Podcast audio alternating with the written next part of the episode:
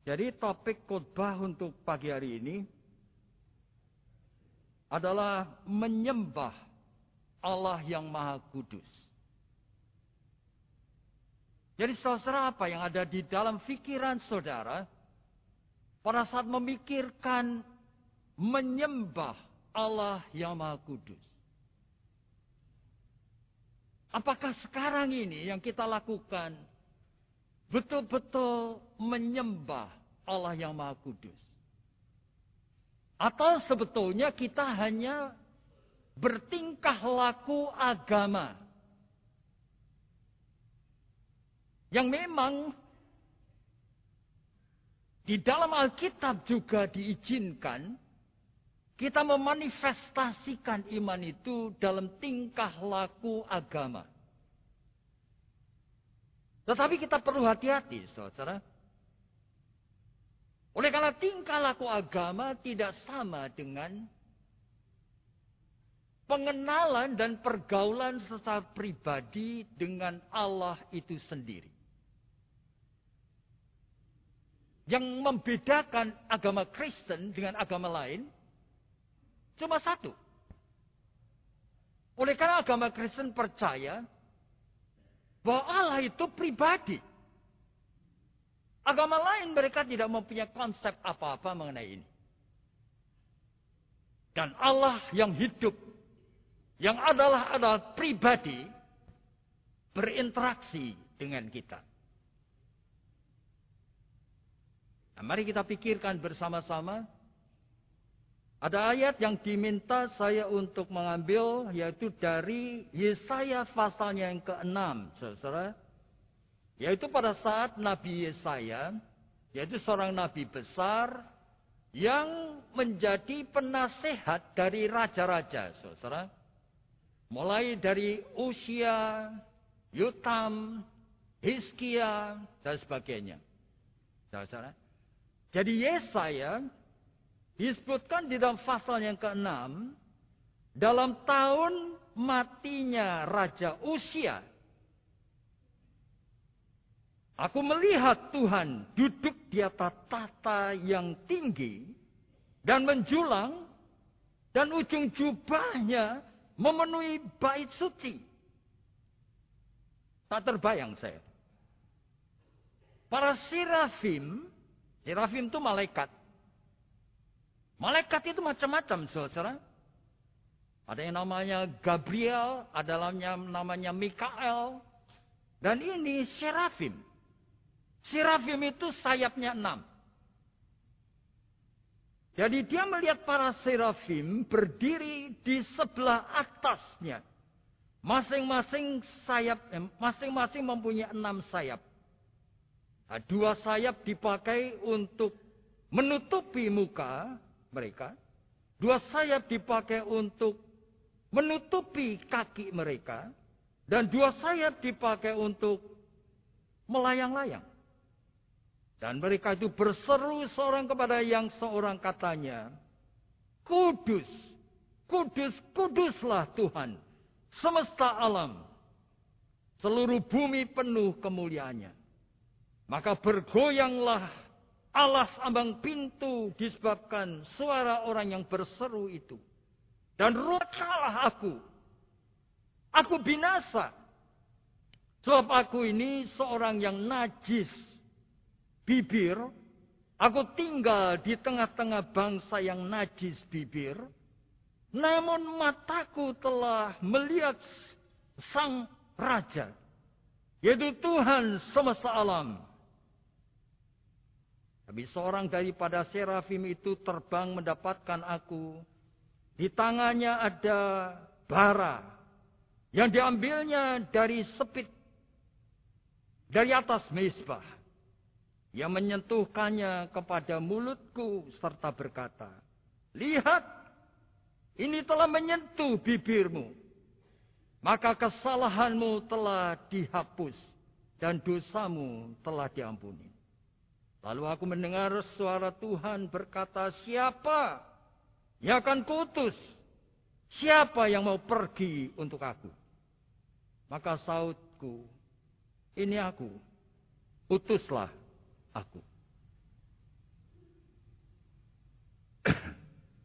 Saudara kita itu diberikan satu tema menyembah Allah yang Maha Kudus. Tema ini berisiko sekali, saudara.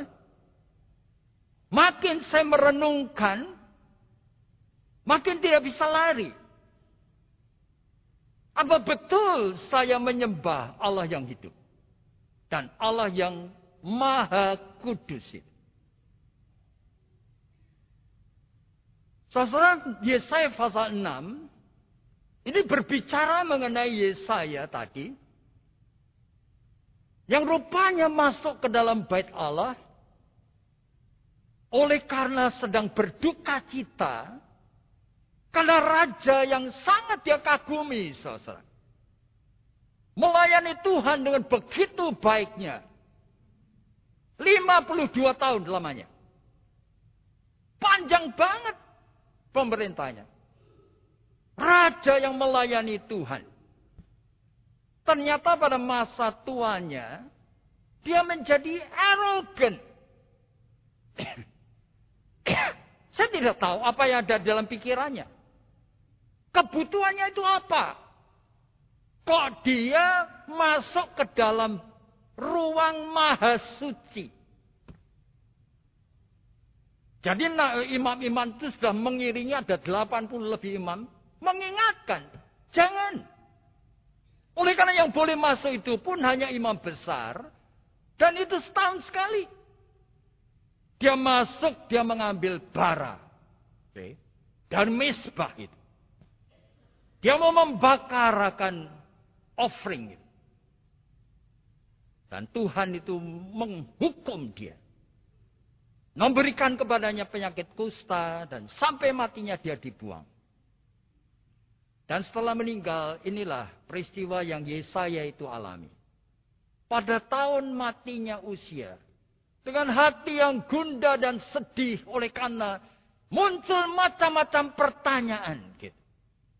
Orang yang sudah melayani Tuhan yang begitu rupa, berakhir dengan tragis sekali. Oleh karena apa? Oleh karena dia tidak menyadari yang dia layani itu bukan manusia. Dia bukan raja untuk umat. Dia wakilnya Tuhan. Dia tidak sadar dia melayani Allah yang seperti apa. Yang maha kudus. Yang tidak bisa dipermainkan dan dicemari dengan motivasi hati dan pikiran apa saja. Saudara dalam imamat pasal yang ke-10, kita melihat anak-anak daripada imam besar Harun. Harun itu saudaranya Musa, saudara. Punya anak empat orang anak. Nadab dan Abihu. Ini juga saya tidak tahu. Maksudnya apa? Tiap hari melayani Tuhan di bait Allah. Tapi kali ini dua bersaudara ini sembarangan mempersembahkan kepada Tuhan, tapi apinya mungkin dari korek api atau dari api yang lain, bukan api dari mesbah yang memang disediakan Tuhan untuk membakar korban. Saudara kalau melihat di dalam imamat pasal yang keenam, itu khusus disebutkan di dalam misbah Tuhan, jangan sampai apinya padam. Jadi api yang tidak pernah padam. Selalu hanya diberikan akan kayu supaya tetap api itu menyala. Dia tidak mengambil api dari situ. Oleh karena apa? Oleh karena dia careless. Dia menganggap, menganggap api itu nature-nya ya sama saja. Api di mesbah, api di mana. Tapi dia tidak lu tahu kesucian Allah. Artinya apa? Segala sesuatu yang Allah pakai, meskipun itu di dalam rumah Tuhan itu ada macam-macam bejana, bahkan ada yang dari emas, dari perak, dari batu, dari kayu. Nah, yang dari batu itu pun, kalau dibeli di pasar paling-paling ilmungan 5 sen. Tidak berharga. Tapi begitu dipakai di dalam rumah Tuhan, itu menjadi suci. Saudara. You tidak boleh main-main. Oleh karena sudah disucikan Allah. Jadi Nadab dan Abihu langsung dibunuh oleh Tuhan. Dan anehnya, Harun dan dua saudara yang lain plus Musa tidak boleh menangis. Tidak boleh meratap. Oleh karena kalau meratap dan menangis, itu berarti protes terhadap Tuhan.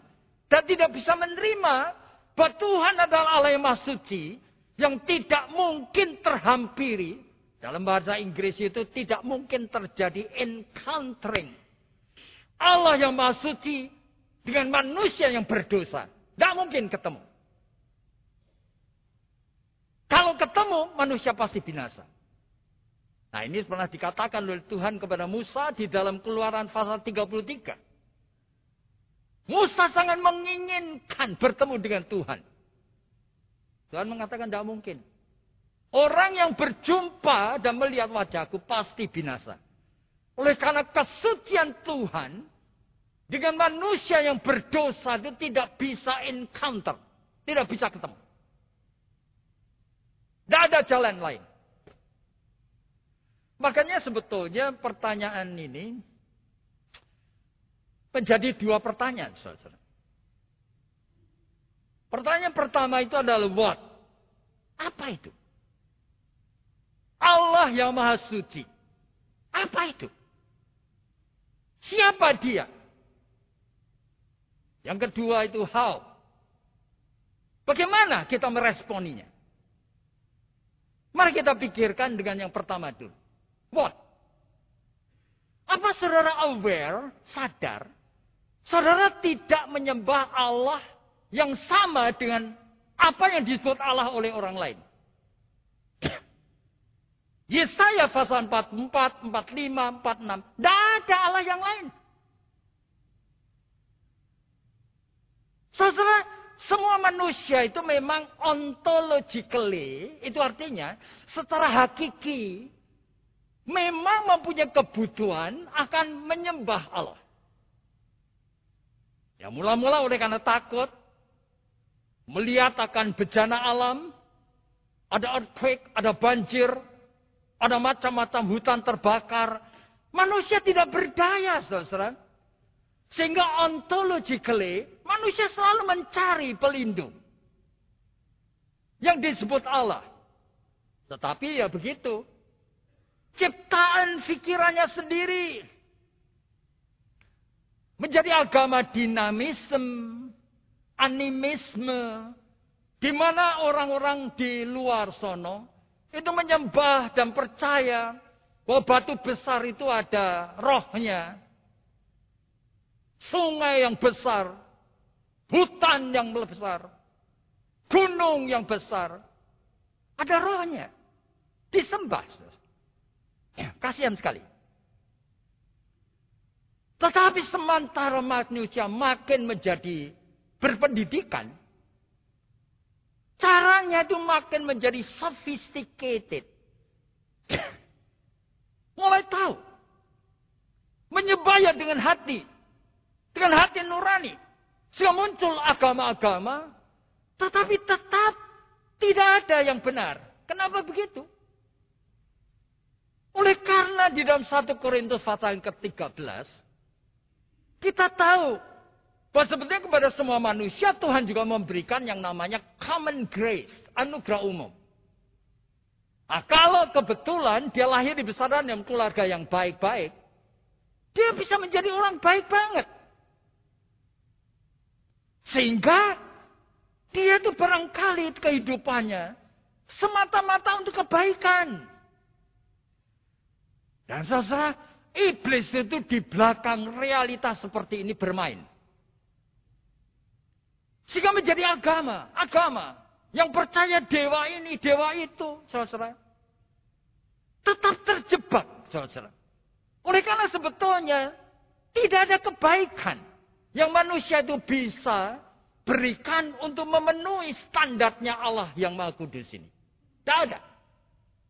Dalam 1 Korintus pasal 13 kan diingatkan, kalaupun kamu itu saking baiknya, sampai rela mati dibakar untuk orang lain. Tapi Jikalau itu bukan sumbernya dari Allah di dalam Kristus Yesus, perbuatan baikmu yang mengagumkan itu, itu hanya gema dari bunyi gong yang gem berkumandang. Tidak ada apa-apanya. Tidak mempunyai nilai kekekalan. Nah, sehingga jikalau Alkitab mengatakan tidak ada Allah yang lain kecuali Allah Alkitab ini. Allah yang memilih Abraham, Ishak, Yakub, Israel. Nah, sudah bayangkan ya. Tidak ada Allah yang lain. Yang ada itu hanya dua kekuatan besar. Yaitu kekuatan setan dan Allah. Tidak ada Allah di tengah-tengahnya. Tidak ada tuh yang namanya dewa-dewa. Saudara jangan ditipu oleh pikirannya sendiri.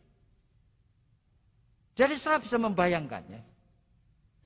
Berita Alkitab itu menegasikan semua agama. Tidak ada agama lain-lain. Bahkan agama Kristen pun. Hati-hati di sini. Udah kalau sebetulnya menyembah Allah itu bukan agama. Ada orang Kristen yang baru-baru ini ketemu dengan saya. Dan dia itu pindah dari protestan menjadi katolik. Dia cerita, meyakinkan saya. Dua kali dia pergi ke Lourdes. Untuk apa? Untuk minta kesembuhan. Dan dia melihat ada orang yang sudah stadium keempat. Kena cancer sudah dying. Sembuh. Dia mengatakan, Pak Yakob ini adalah karya belas kasihan Tuhan. Saya mengatakan dalam hati, kamu bodoh sekali. Berarti kamu dulu dari gereja yang tidak ngajarin. Gitu Bahwa iblis pun bisa berbuat hal yang sama. Saudara lihat aja National Geography, bukan saya loh. Membuat riset orang-orang yang sembuh di Lourdes. Cuma 7 persennya betul sembuh. 93 persen itu sembuh sementara. Itu berarti suatu psychological reaction yang kalau saudara belajar akan psikologi, itu namanya adalah self deliberate deception. Itu artinya, secara sengaja saya membohongi diri saya sendiri. Minum air tertentu, ya, menyembah, memberikan persembahan kepada patung Maria tertentu. Melihat penampakan-penampakan. Permainan setan semua, saudara. Ada. Dalam Alkitab memang Tuhan juga bisa menyembuhkan. Tetapi tujuan Tuhan datang ke dunia. Bukan hanya untuk menyembuhkan. Bahkan sering kali dalam Alkitab disebutkan, setelah Tuhan pergi ke bait Allah. Ada ratusan orang sakit. Apa Tuhan menyembuhkan? Tidak. Tuhan juga cari yang tidak cari dia. Orang laki-laki yang tidur selama lebih kurang 38 tahun. Menunggu air dikocak. Orang ini tidak minta loh. Tuhan yang datang kepadanya dan mengatakan, kamu mau sembuh apa enggak? Waduh dia nangis. Tuhan, aku sudah 38 tahun di sini. Tidak ada menolong aku nyemplung. Angkat tempat tidurmu. Bangkit. Cuma dia tok. Ratusan pasang mata yang menunggu. Kasian banget kita. Allah kita ini. Siapa sebetulnya? Nah ini menjadi pertanyaan. Jadi Allah kita itu adalah Allah yang tahu akan kondisi manusia yang hopeless. Tetapi dia itu berinisiatif secara bertahap. Nah, saudara sekarang mulai bayangkan ya. Dia memilih Abraham di dalam Yosua pasal 24. Abraham pada saat itu penyembah berhala. Tapi dari puluhan ribu penyembah berhala. Kenapa Abraham yang dipilih? Saya tidak tahu unsur gratia. Nah, kalau saudara mau mengenal Allah yang hidup, saudara percaya bahwa ada unsur anugerah. Tapi anugerah itu apa bentuknya? Juga kita tidak ngerti, saudara. Oleh karena apa? Kemungkinan Abraham itu, meskipun di antara semua orang yang menyembah berhala, dia gelisah. Kegelisahan lahir dari kesadaran. Bahwa Meskipun aku menyembah berhala bagaimanapun caranya. Aku tidak pernah bertemu Allah yang sejati. Aku mencari Allah yang sejati itu seperti apa. Aku tidak tahu caranya. Dalam kisah Rasul-Rasul pasal 17 itu ketika Rasul Paulus pergi ke Athena.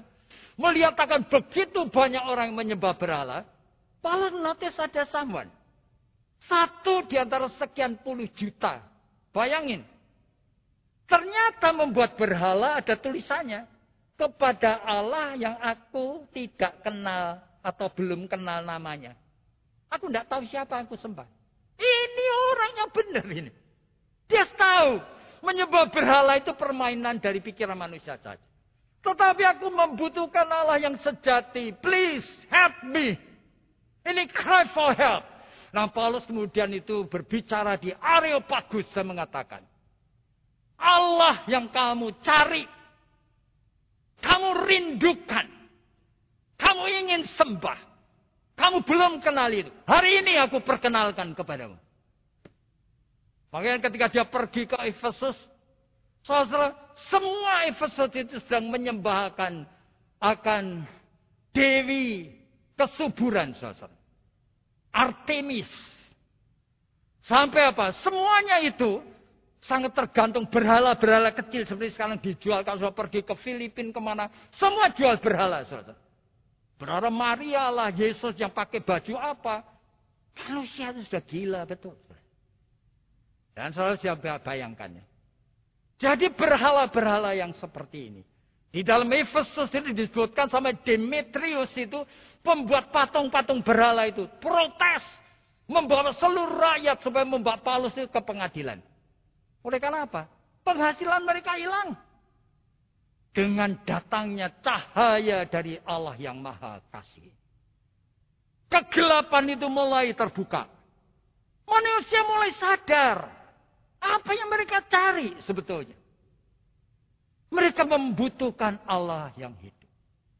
Nah, tetapi tadi saya katakan ini proses. Dari Abraham kemudian Ishak, Allah menyatakan hal-hal. Abraham mulai ngerti bagaimana mempersembahkan. Mulai cari spot tertentu. Spesial. Selalu membuat misbah itu. Dia ada pohon tarbentin. Saya tidak tahu. Pohon apa itu? Tetapi dia cari yang spesial, yang khusus. Untuk being alone. Sendiri dengan Tuhan. Dan kemudian diwariskan dari Isa kepada Yakub kepada 12 suku. Sampai Israel menjadi bangsa yang besar di Mesir. Dan sekarang waktunya Tuhan yang mulai dengan inisiatif pada Abraham. Memanggil Israel keluar. Supaya worship dia. Saya menyembah dia. Di mana? Di Gunung Sinai. Dan Tuhan memberikan pernyataannya pertama kali. Bukan hanya memberikan suatu hal yang ajaib, membukakan laut kosong dan sebagainya. Tapi sekarang, you are my people. Tuhan memberikan Ten Commandment, sepuluh hukumnya. Umat Israel mulai senang, tapi kemudian mulai bingung. Oleh karena bagaimana caranya mempraktekkan akan hukum pertama, hukum kedua, hukum ketiga, hukum ke sepuluh. Bagaimana caranya? Oleh karena mau belok sini ada kelirunya, belok situ ada kelirunya. Sehingga mereka membuat dari 10 hukum itu 613 hukum. Dan Tuhan masih izinkan. Dan Tuhan Allah yang hidup ini gradually mulai menunjukkan dirinya. Mulailah Israel diizinkan membangun akan bait Allah. Oh, bait Allah itu dibangunkan tahun berapa? Yaitu oleh Raja Salomo tahun 915 sebelum Masehi. Kemudian datanglah orang-orang uh, Babylonian. Tahun 500 sekian dihancurkan bait Allah ini. Semuanya dibawa ke Babil. Bayangkan. Allah yang memilih umatnya. Sekarang Allah yang membiarkan umatnya. Supaya mengerti. Mengenal dia. Sulit sekali mengerti dan mengenal dia. Umat di Babel ini. Ada remnant. Remnant itu sisa dari sekian juta umat itu. Ada yang mulai menangkap sinyal-sinyal Allah. Daniel, Sadra, Mesa, Abednego. Mulai menangkap sinyal-sinyal dari Tuhan. Sehingga belajar setia kepada Allah yang seperti ini. Yang lain terkikis sedikit demi sedikit. Jika akhirnya di dalam Roma pasal 9 itu tidak semua Israel itu akan diselamatkan.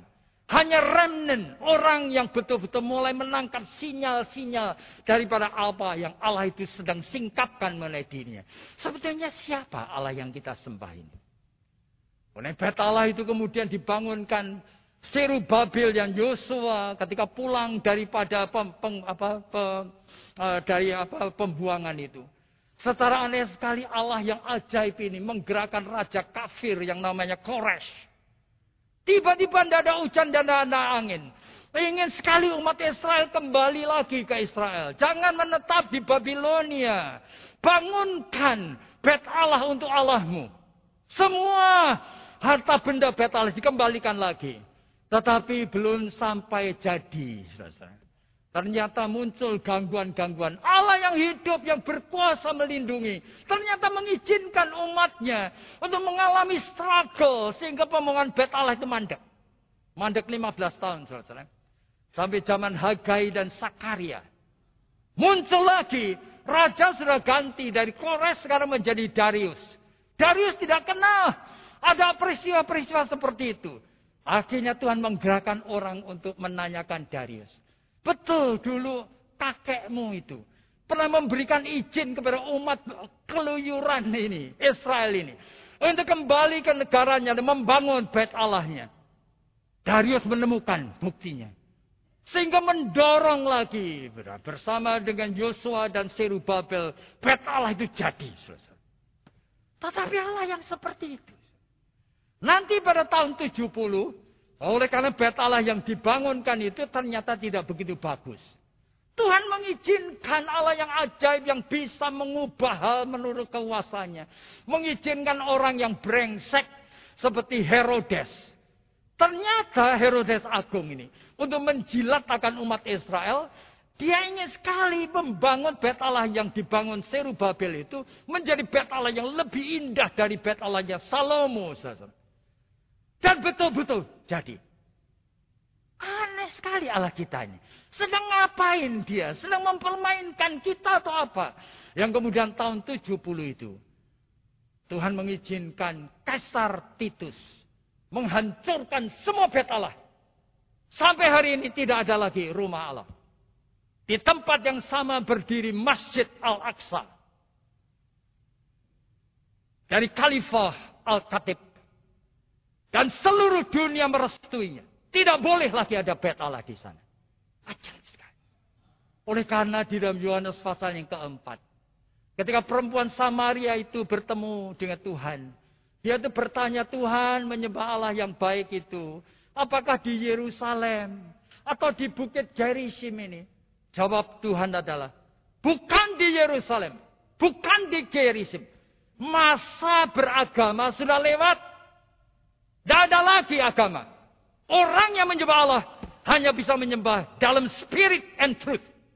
Dalam roh dan kebenaran. Tidak tergantung agama, tidak tergantung ritus, tidak tergantung syariah-syariah. Tidak ada lagi. Orang yang menyembah Allah hidup. Menyembah oleh karena tuntunan dari roh kudus. Siapa sebetulnya Allah kita ini? Yang kemudian kita itu kenal. Betapa sulitnya untuk mengapa? Untuk mendefinisikan. Jadi Allah ini siapa? Terpaksa Kaisar Konstantin, permulaan abad yang keempat. Itu melihat dua kubu Kristen. Kubu dari Adenasius, kubu dari Arius. Teologianya beda. Adenasius percaya Yesus itu adalah anak Allah. Adalah Allah sendiri. Arius dipengaruhi oleh Gnostik, saudara. Gnostik itu filsafat yang muncul kira-kira dua abad sebelum Kristus. Nah, Gnostik percaya bahwa Allah itu tidak bisa dikenal. Allah itu roh. Tetapi roh yang maha suci ini, ini ternyata mencipta akan Allah yang kedua. Yang namanya itu Demiurgos. Nah, Demiurgos ini yang menciptakan benda-benda termasuk dunia, manusia, tubuh darah daging ini. Dan manusia yang sebetulnya diciptakan dengan ajaib ini, ternyata mempunyai roh percikan daripada sang abadi tadi.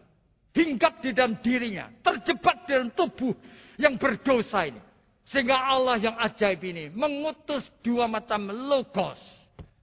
Logos spermatikos, logos paidagogos. Jadi logos yang memberikan benih dan logos yang memberikan pendidikan. Untuk apa? Supaya membebaskan daripada jerat tubuh yang dosa ini.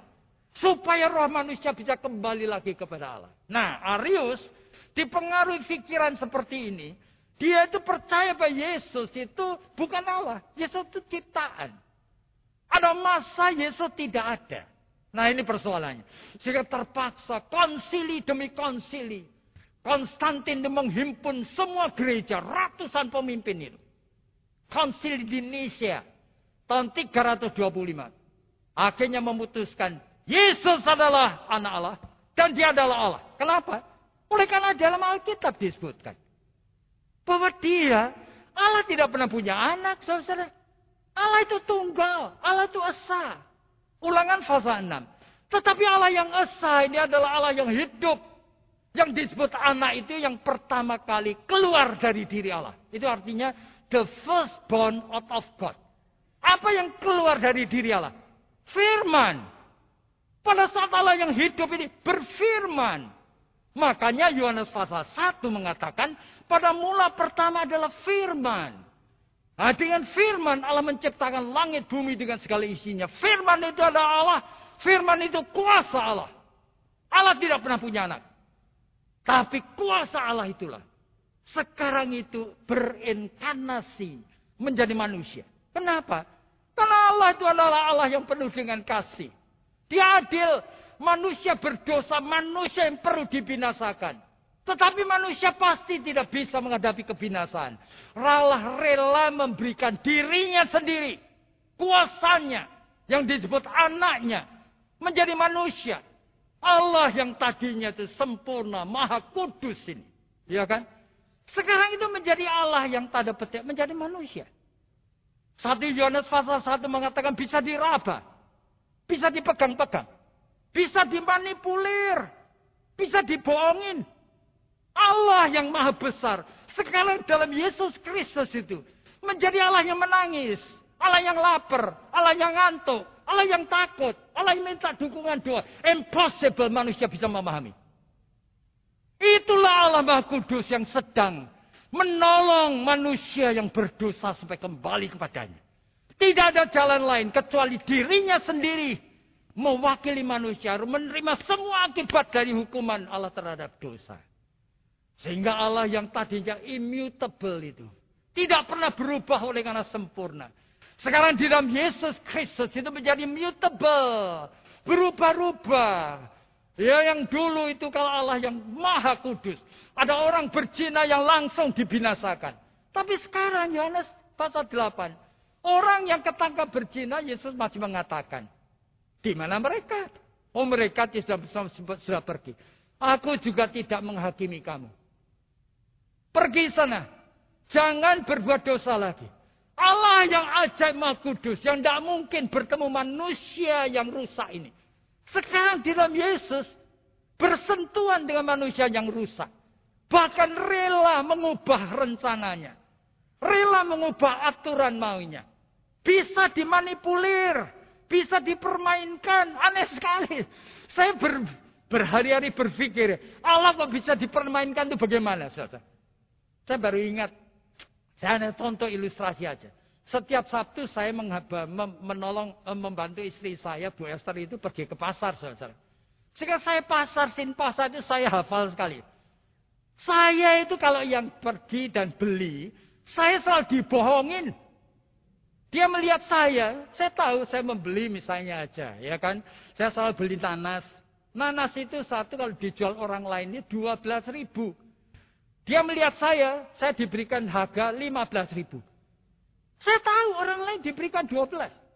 Saya di digok 15. Tapi saya kasihan. Oleh karena apa? Saya tahu penghasilannya berapa. You mau tipu saya 50 ribu pun aku akan bayar. Dalam hati saya tertawa. Oleh karena apa? Saya tahu siapa kamu. Dan saya rela ditipu. Lah, saya rela ditipu. Oleh karena apa? Saya untuk bayar 100 ribu pun saya tidak kurang. Saya menyukai nanas. Saya menyukai duku. Duku itu satu kilo cuma 25 ribu. Kemarin saya di, di got 40 ribu. Bapak yang bayar 40. Ya sudah, aku kasih. Aku tahu ditipu dan mau ditipu. Dan aku enjoy ditipu. Oleh karena apa? Oleh karena aku punya uang lebih, yang aku tidak eman-eman. Apalagi Allah di surga. Saudara nanti melakukan dosa demi dosa, demi dosa, demi dosa, tidak ada habisnya. Tuhan mengampuni dosamu kapan? Yang kemarin, hari ini. Sampai mati saudara terus berdosa. Dan Tuhan tahu itu. Betapa ajaibnya Allah yang kudus itu. Dan rela hadir dalam jiwa kita. Dan sekarang ini dalam kondisi buat kita sudah mulai kenal dia seperti ini. Bagaimana respon kita? How? Saudara, masalah dealing dengan dosa. Masalah yang kita tahu. Tapi tidak pernah saudara dan saya serius. Saya baru ketemu seorang klien. Dia lebih dari 10 tahun hidupnya dalam perjinahan, masturbasi, nonton film porno. Setiap kali minta didoakan saya. Saya selalu cuma ngomong satu hal. You serius apa enggak? Mematikan dosa itu. Serius pak. Saya doa lebih dari 10 tahun. Doa tok, bukan serius. Saya mau tanya. You berpuasa. You betul-betul punya plan. Punya strategi. Untuk mematikan dosamu itu. Betul? Enggak. Inilah hidup saudara. Jadi saudara itu dealing dengan sin. Di tengah dunia yang sudah berdosa. Kita dipermainkan setan luar biasa saudara. Yaitu cukup kita ngaku dosa, cukup kita minta pertolongan Tuhan, cukup kita berjanji, tapi saudara tidak pernah serius. Mau dealing dengan Allah yang mau kudus. Saudara masih menyimpan dosa dan menyukainya. Billy Graham itu berbicara mengenai seven deadly sin. Semuanya ada pada kita. Dosa kemalasan, kesombongan, dosa itu keangkuhan, dosa tak ketamakan. Iya. Dan kita oke. Okay. Kita feel oke. Okay. Jadi apa artinya? Lalu iman Kristen itu ada di mana? Cukup saya cuma mengatakan, kamu dan saya sedang menyembah Allah yang hidup. Jangan berbuat dosa lagi. Cukup? Tidak cukup. Kenapa? You and me tidak akan melakukan perbaikan. Jadi ini kita tidak waspada. Dealing dengan masalah dosa. Ini suatu yang grievous. Menyedihkan banget. Oleh karena seluruh dunia dan kehidupan sudah dikuasai oleh setan, saudara. Dalam Matius pasal 4 itu, setan itu sampai berani mencoba Tuhan Yesus. Seluruh dunia ini aku akan berikan padamu kalau kamu nyembah aku. Berarti ya, luar biasa. Semua aspek saudara di dalam hidup saudara, kenapa tidak serius untuk menyelesaikan dosa? Oleh karena saudara merasa semua orang berdosa. Dan kita hidup itu sudah banyak urusan. Sekarang setan menghadirkan. Seluruh aspek hidup ini menjadi begitu menarik. Membutuhkan perhatian kita, hati kita, tekad kita. Saya tiap hari melihat di depan rumah saya, ratusan orang sepedaan. Untuk sepedaan, dia bisa spend dua jam sehari. Sebagian besar dari mereka Kristen. Untuk doa kepada Tuhan. Lima menit aja. Betapa sulitnya. Oleh karena hidup ini sudah diberikan kayak gitu. Semalam saya melihat akan junior master chef. Bayangkan ya. Itu yang dari Australia. Itu.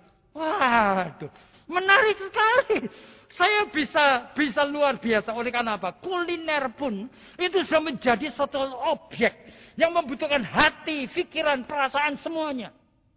Jikalau kamu itu betul-betul mau menjadi seorang master. Iya. Semuanya.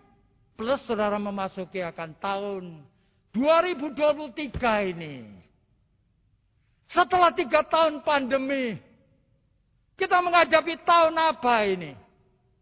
Di samping semua hal ini menarik kita minta perhatian. Sehingga tidak ada waktu untuk Tuhan. Tahun ini tahun yang disebutkan FUCA. V-U-C-A. Volatility uncertainty, confusing, complexity, dan ambiguity. Apa itu? Tahun yang tidak bisa diprediksi. Fluktuasi. Tidak bisa kita prediksi. Sadar ketika pemulaan orang menemukan akan internet-internet. Saudara, semua orang memprediksi. Semua koran itu akan tidak laku. Buku-buku cetakan akan tidak laku. Tidak berhasil. Realitanya, orang itu memang menyukai memakai komputer hanya untuk entertain mata dan pikiran. Itu bagi orang-orang yang memang hidupnya itu naif. Tapi bagi mereka mencari kebenaran tidak bisa. Terpaksa baca buku sungguh-sungguh. Membuat suatu riset sungguh-sungguh. Tidak bisa cuma main komputer, saudara. Oleh karena realitanya begitu. Jadi tidak ada sumber informasi yang lebih baik dari koran. Jurnalisme itu menjadi so powerful nantinya. Orang tidak sadar. Hanya orang yang mencari kebenaran akan baca koran yang benar. Ini omongannya kayak gini. Tajuk rencana. Omongannya seperti ini. Tapi orang yang 90% hanya menyukai akan entertainment. Hari ini ada berita ini. Ferdi Sambo itu ngomong apa. Istri ngomong apa. Lalu kita ketawa. Hai. Itu orang-orang yang naif pikirannya. Yang tidak seperti ingin belajar dan grow.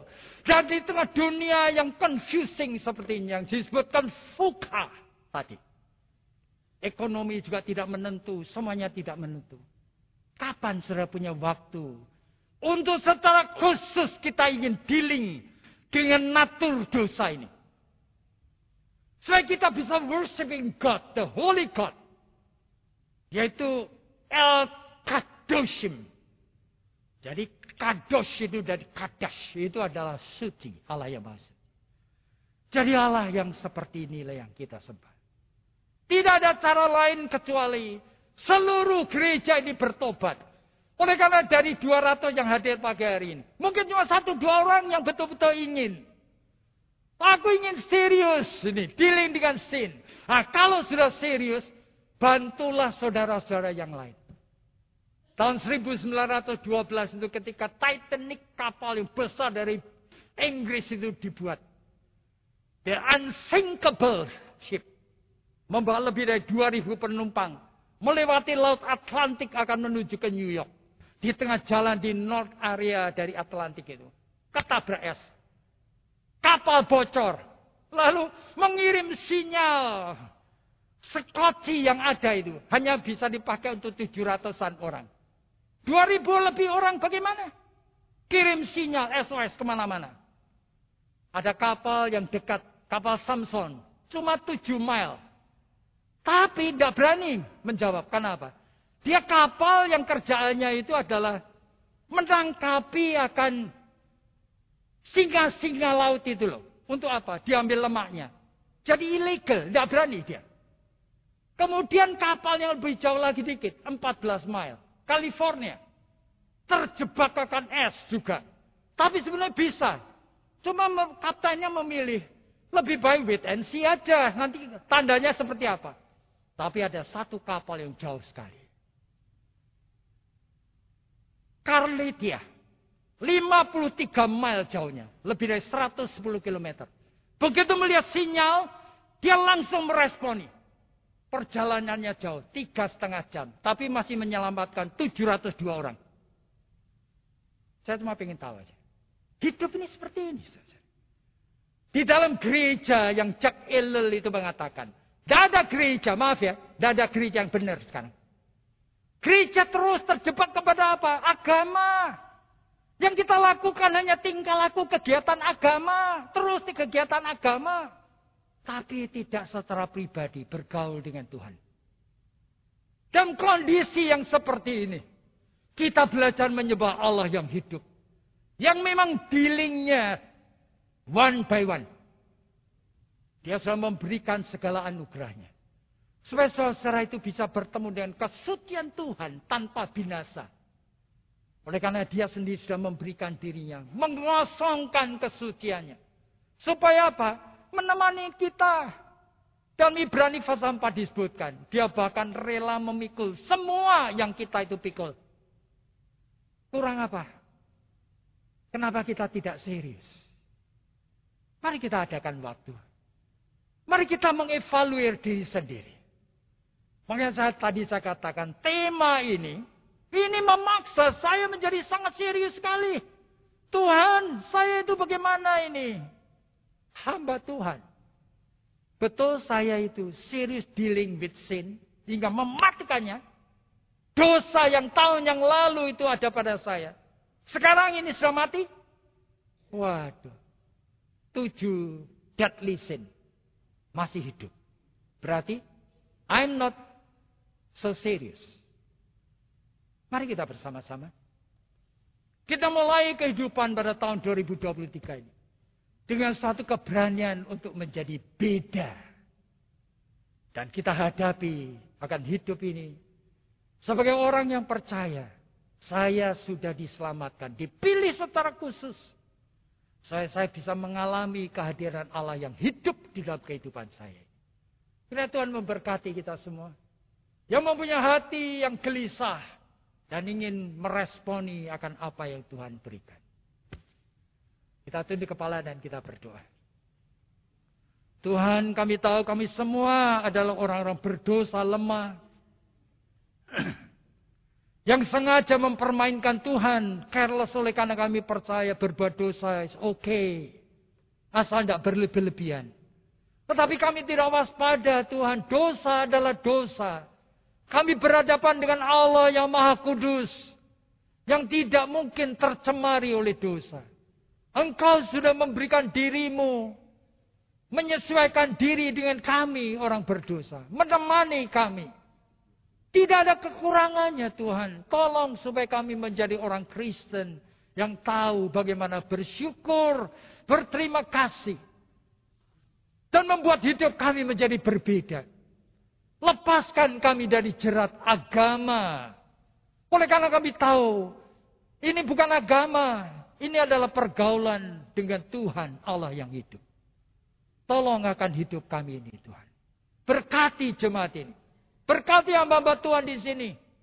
Berkati majelis gereja. Supaya kami memimpin akan setiap anggota jemaat.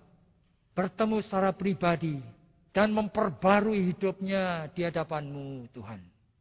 Dengarkan doa kami oleh karena hanya di dalam nama Tuhan Yesus Kristus. Kami sudah berdoa. Amin.